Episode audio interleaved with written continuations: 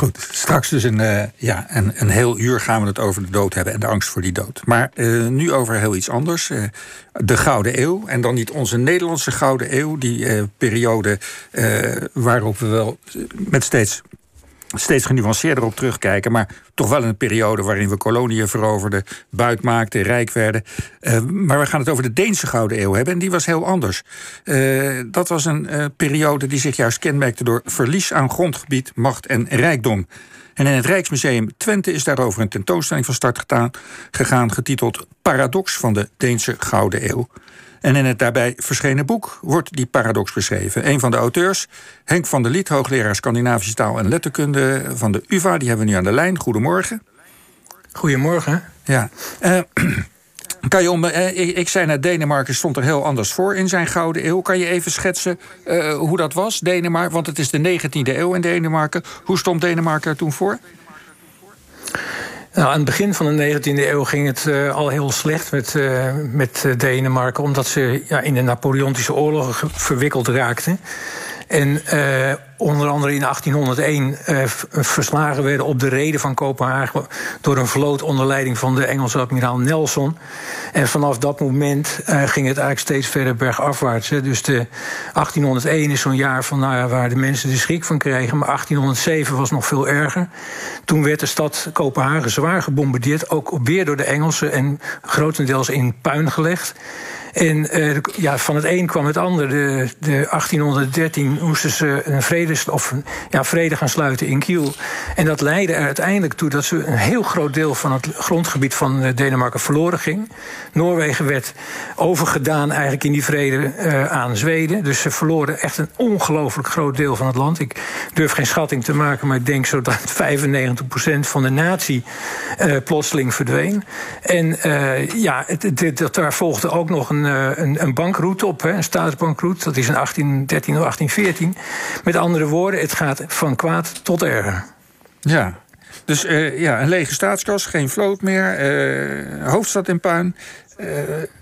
Hoe, hoe kan het dan dat er de Gouden Eeuw wordt genoemd nu? dat zelfbeeld van die Denen moet toch tot een dieptepunt gedaald zijn in die tijd?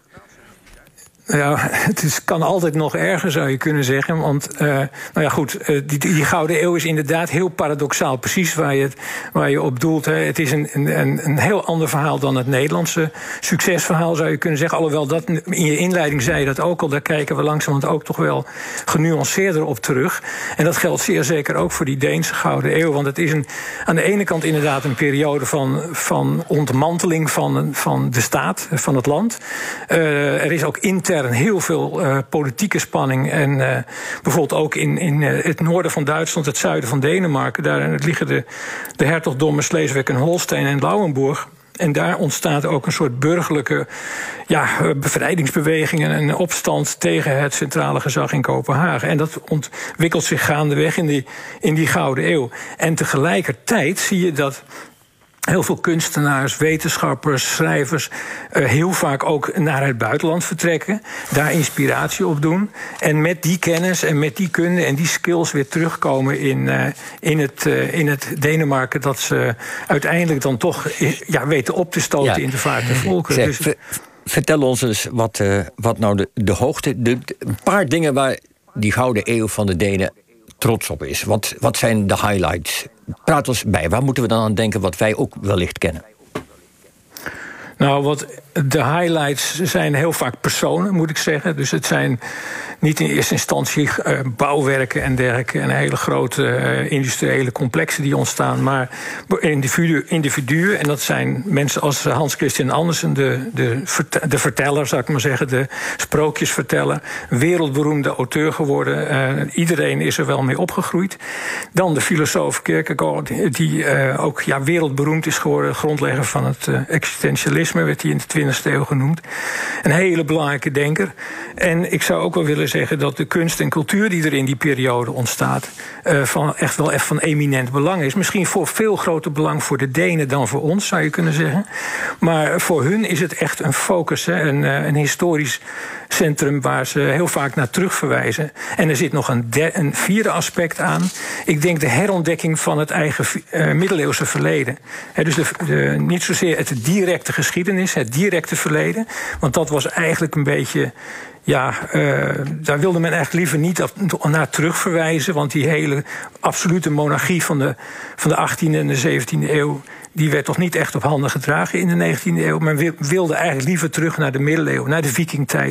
Naar het grote, het grote Denemarken dat zich uitstrekte van, uh, ja, van Ierland tot IJsland. Ja, is, is dat opmerkelijk dat ze juist in die tijd teruggrijpen op zeg maar voorchristelijke uh, cultuur? Ja, dat is inderdaad een, van die paradoxen, een van die merkwaardige tegenstellingen die er in die uh, Gouden Eeuw van de Denen zit. Dat het, uh, het is een, een, een, heidense, een heidens verleden. En dat maakt het ook best wel tricky uh, en moeilijk voor kunstenaars bijvoorbeeld om dat in beeld te brengen. Want er bestond eigenlijk helemaal of nauwelijks beeldcultuur in die, in die periode. En men moest eigenlijk die vikingen opnieuw uitvinden. Men moest er eigenlijk een, een beeld van schetsen. En dat zie je dus heel mooi in geschiedenisboeken voor de, voor de lagere school. Je ziet het heel erg mooi in bepaalde gebruiken die er dan eh, langzamerhand ontstaan. Bijvoorbeeld die dragen van die vikinghelpen met koeienhorens. Dat soort ja, dingen die historisch volledig incorrect zijn, maar die als het ware in, in stelling worden gebracht in die, uh, in die iconografie van de 19e eeuw. Ja, dus dat die voetbalsupporters van Denemarken nu zo bijlopen, hebben we aan die periode te danken.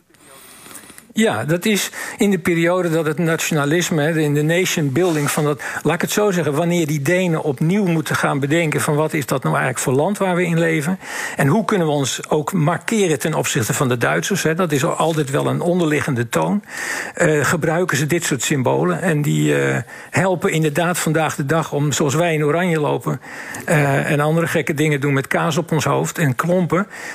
zo lopen die Denen met van die vikinghelmen rond, die dus eigenlijk helemaal op, ja, ontstaan zijn in de 19e eeuw. Ja, en Henk, tot slot, uh, die tentoonstelling die nu te zien is over de paradox uh, van die Gouden Eeuw van de Denen. Wat, is, wat zien we daar erin terug? Hiervan?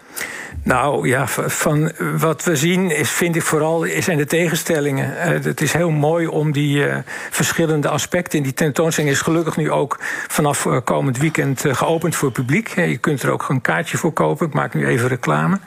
Um, je, wat je ervan ziet is eigenlijk hoe mooi die 19e eeuw, wat voor spanningen daarin uh, in plaatsvinden of in te zien zijn. dus tussen die opkomende burgerij is aan de ene kant het etaleren van het zelfbewustzijn.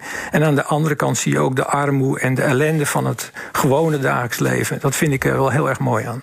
Goed, Henk van der Liet bedankt. En uh, de tentoonstelling die is nog tot in augustus te zien. En het bijbehorende gelijknamige boek Paradox van de Deense Gouden Eeuw is uitgegeven bij Waanders.